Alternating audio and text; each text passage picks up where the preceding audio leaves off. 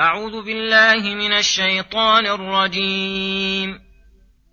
لولا إذ سمعتموه ظن المؤمنون والمؤمنات بأنفسهم خيرا وقالوا هذا إفك مبين.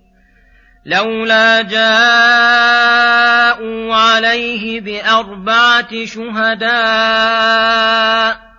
فإذ لم يأتوا بالشهداء فأولئك عند الله هم الكاذبون ولولا فضل الله عليكم ورحمته في الدنيا والآخرة لمسكم فيما أفضتم فيه عذاب عظيم. إذ تلقونه بألسنتكم وتقولون بأفواهكم ما ليس لكم به علم وتحسبونه هينا وتحسبونه هينا وهو عند الله عظيم. ولولا إذ سمعتموه قلتم ما يكون لنا أن نتكلم بهذا سبحانك سبحانك هذا بهتان عظيم. يعظكم الله أن تعودوا لمثله أبدا إن كنتم مؤمنين. ويبين الله لكم الآيات والله عليم حكيم. إن الذين يحبون أن تشيع الفاحشة في الذين آمنوا لهم عذاب أليم في الدنيا والآخرة. والله يعلم وأنتم لا تعلمون. ولولا فضل الله عليكم ورحمته وأن الله رءوف رحيم. بسم الله الرحمن الرحيم.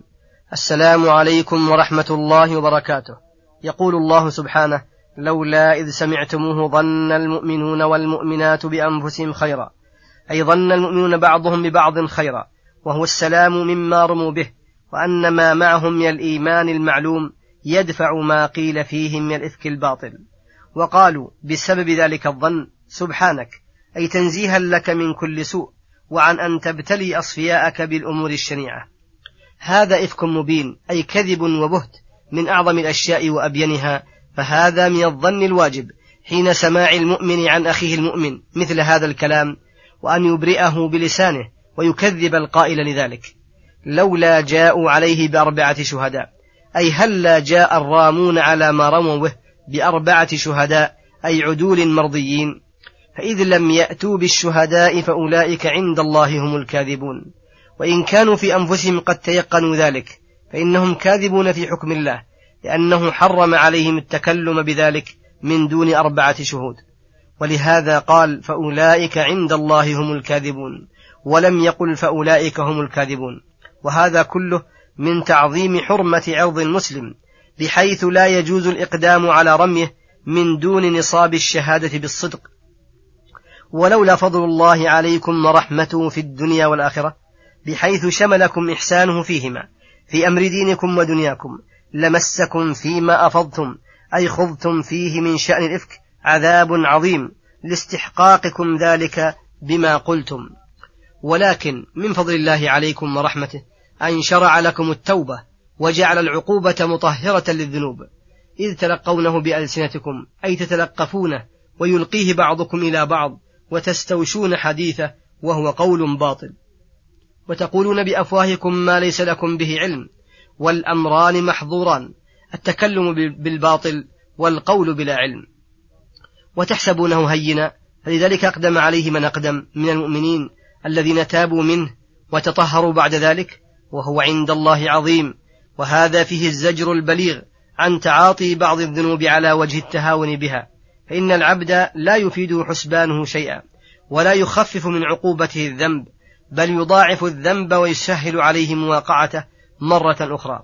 لولا إذ سمعتموه أي هل أي وهلا إذ سمعتم أيها المؤمنون كلام أهل الإفك قلتم منكرين لذلك معظمين لأمره ما يكون لنا أن نتكلم بهذا. أي ما ينبغي لنا وما يليق بنا الكلام بهذا الإفك المبين لأن المؤمن يمنعه إيمانه من ارتكاب القبائح. هذا بهتان أي كذب عظيم.